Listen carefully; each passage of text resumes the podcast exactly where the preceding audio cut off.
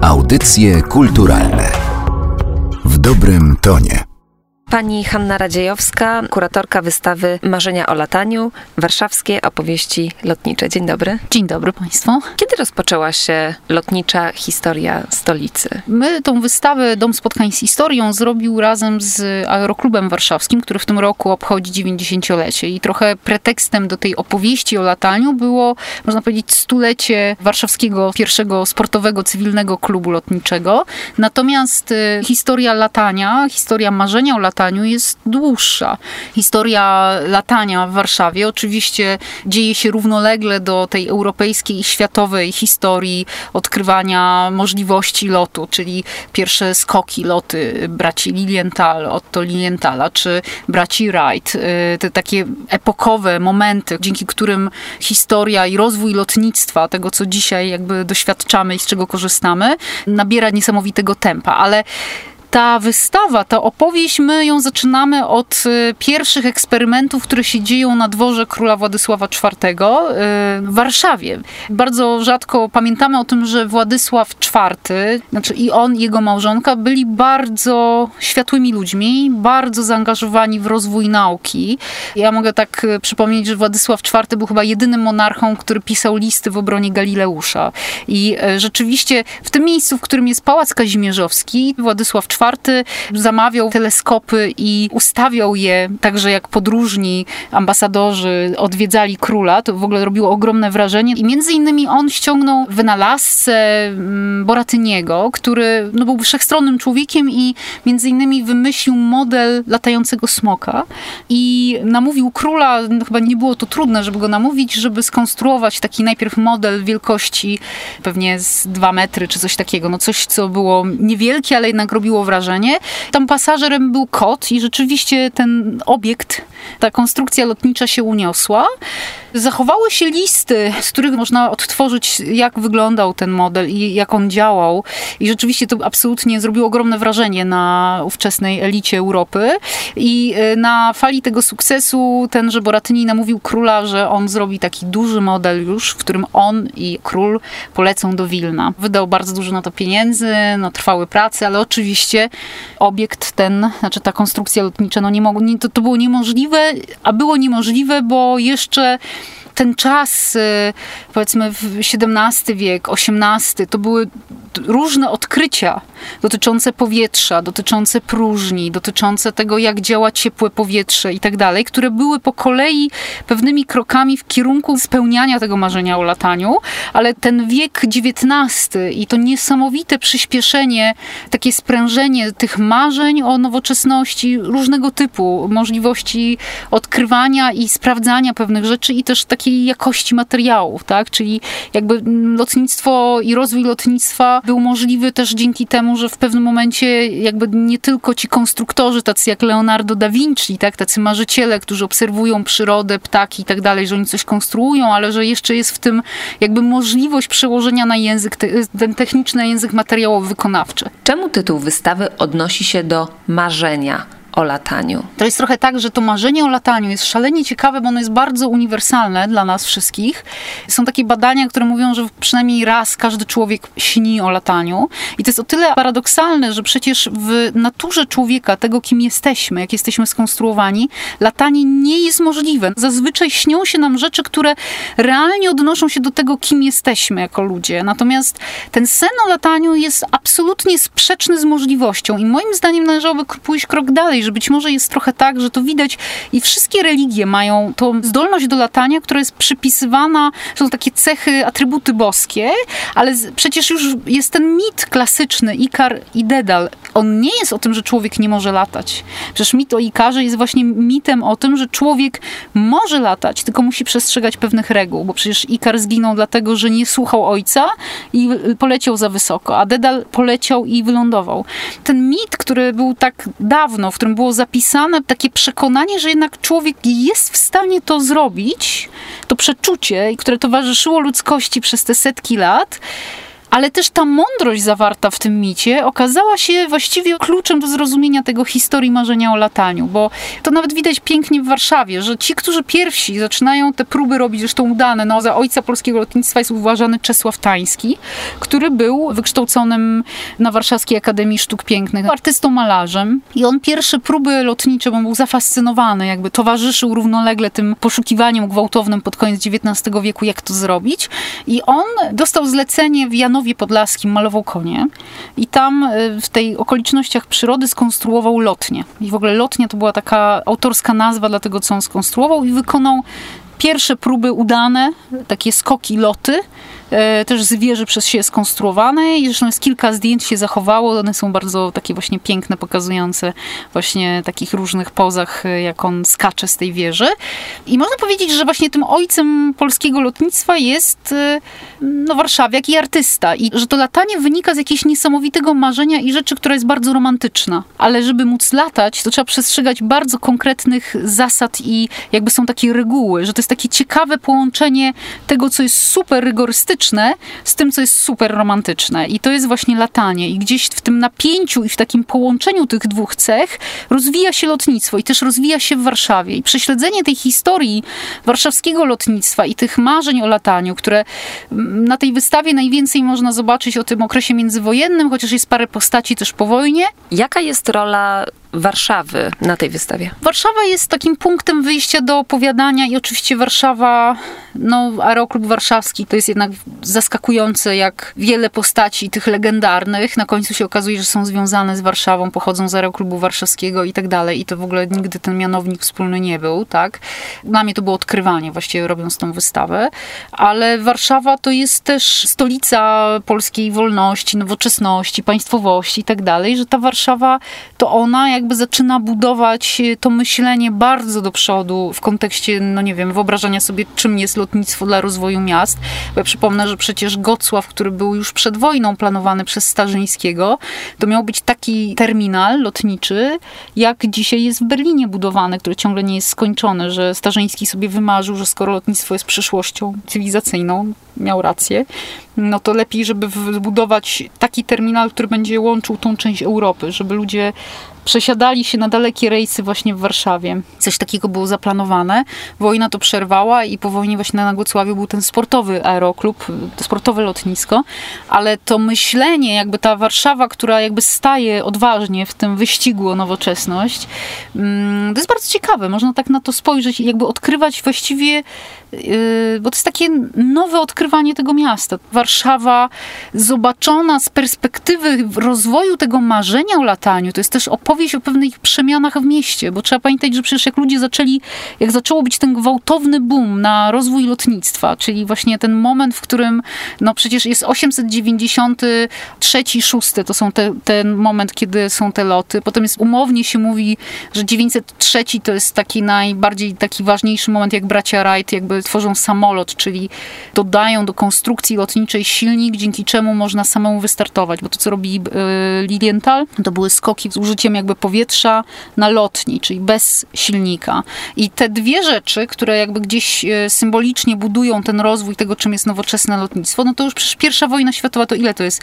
To jest 11 lat i są przecież y, dywizjony lotnicze. Czyli jak szybko, to jest tak jak, nie wiem, teraz internet przez ostatnie lata, prawda? Albo, nie wiem, smartfony. To jest taki skok. I gdzieś te lata międzywojenne, to one właśnie gdzieś zawsze są w takim rozpięciu takiego romantyzmu i marzenia i konstruktorów lotniczych, odkryć, takiego rzetelnej pracy nad tym, jak tworzyć dobre konstrukcje lotnicze, dobre samoloty, żeby, no też ten okres międzywojenny jest o tyle taki bardzo romantyczny, bo on jest no taki osadzony w takiej sytuacji ogromnego niebezpieczeństwa, tak, dlatego, że te materiały były, no nie wiem, te samoloty, no rzeczywiście, jakby nie wszystko jeszcze było odkryte, nie wiem, jeśli chodzi o to, jak działa, nie wiem, jak reagują skrzydła na pewne y, siły i tak dalej, no bo nie było jeszcze takich możliwości tuneli aerodynamicznych i tak dalej, no to jakby w tym kontekście to naprawdę wymagało odwagi, żeby ryzykować, żeby próbować, żeby latać.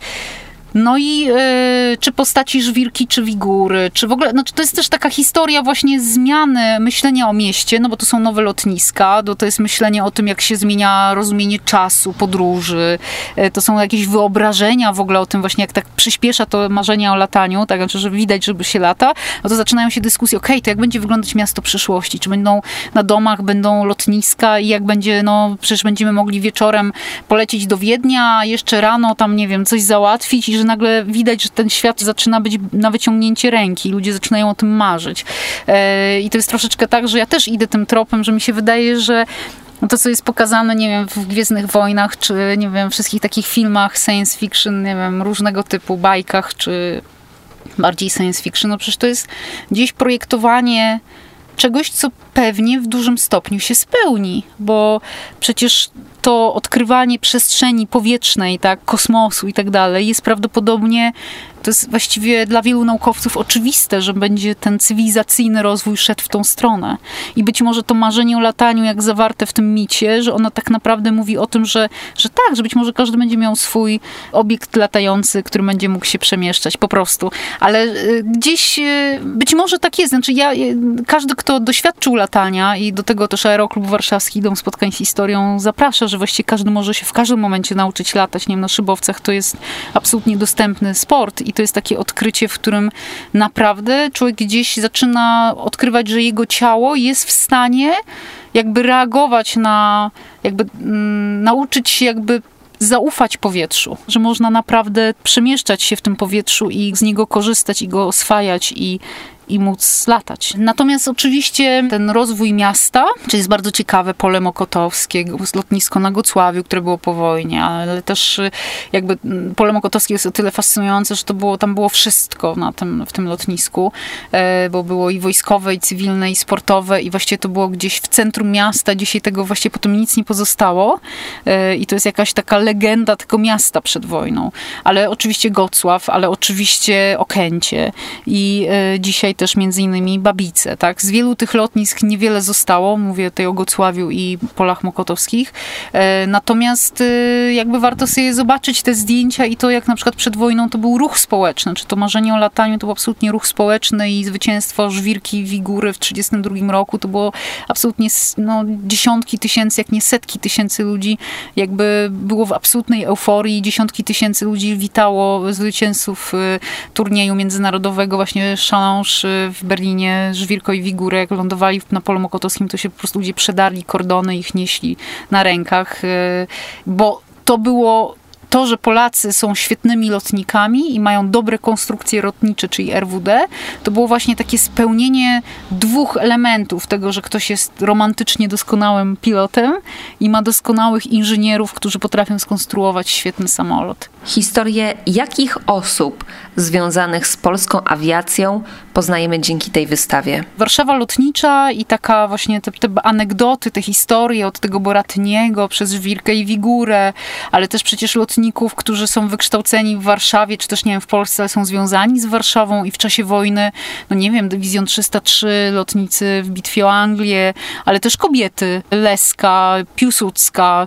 Wojtulanis, to są warszawskie lotniczki, y, wychowanki Aeroklubu Warszawskiego. To były jedyne trzy Polki, które w czasie wojny były w dywizjonie pomocniczym, lotniczym i to było bardzo niebezpieczne i one jakby przetransportowały samoloty z lotnisk e, w trakcie bitwy Anglii i jakby w czasie po prostu całej wojny. Ale to są też niezwykłe postaci jak Wanda Modlibowska, ale też po wojnie przepiękne postaci jak Wanda Szemplińska czy Pelagia Majewska. Czasami mi się wydaje, że ten splot opowieści lotniczych, tych biografii, to jest naprawdę taka opowieść o marzeniu o nowoczesności, o spełnianiu marzeń, ale też o jakichś niezwykłych, dojrzałych postaciach, w ogóle takich osobowościach, o, o ludziach, którzy w ogóle zapisali się niezwykle w historii polskiej, jak na przykład Antoni Kocjan, o którym nikt nic praktycznie nie wie, a był to człowiek, który przed wojną konstruował szybowce i miał świetny warsztat, był prawdopodobnie znakomitym szefem i potrafił zarządzać, bo zbudował właśnie prywatne przedsiębiorstwo, które zrobiło znakomity sukces i eksportowało na licencji szybowce właśnie na pół Europy, ale ważniejsze jest to, że to był człowiek, który w czasie wojny potrafił skonstruować największą drukarnię okupowanej Europy, gdzie po prostu w podziemiach ukryte przed właściwie pod nosem Niemców drukowano 250 tysięcy nakładu miesięcznie, ale co jest najciekawsze, to był człowiek, który jako inżynier, świetny inżynier, był szefem referatu państwa podziemnego i on odkrył i zrozumiał, czym jest V1 i V2. I on napisał raport, czym są te rakiety konstruowane, dzięki którym alianci zbombardowali natychmiast fabrykę na Penemunde i które to bombardowanie sprawiło, że Eisenhower, generał Eisenhower po wojnie powiedział, że gdyby nie ta akcja, to on prawdopodobnie by nie był w stanie otworzyć frontu w Europie, czyli że jakby gdyby oni rozwinęli tę V1, V2, no to praktycznie byłoby niemożliwe, albo byłoby bardzo, bardzo trudne, żeby pokonać Niemcy. I to jest jeden człowiek, który prawdopodobnie ani razu nie strzelił w czasie wojny, bo on był po prostu takim polskim Jamesem Bondem, tak, który zginął, bo został aresztowany przez y, Niemców i zamordowany na Pawiaku po wybuchu powstania warszawskiego.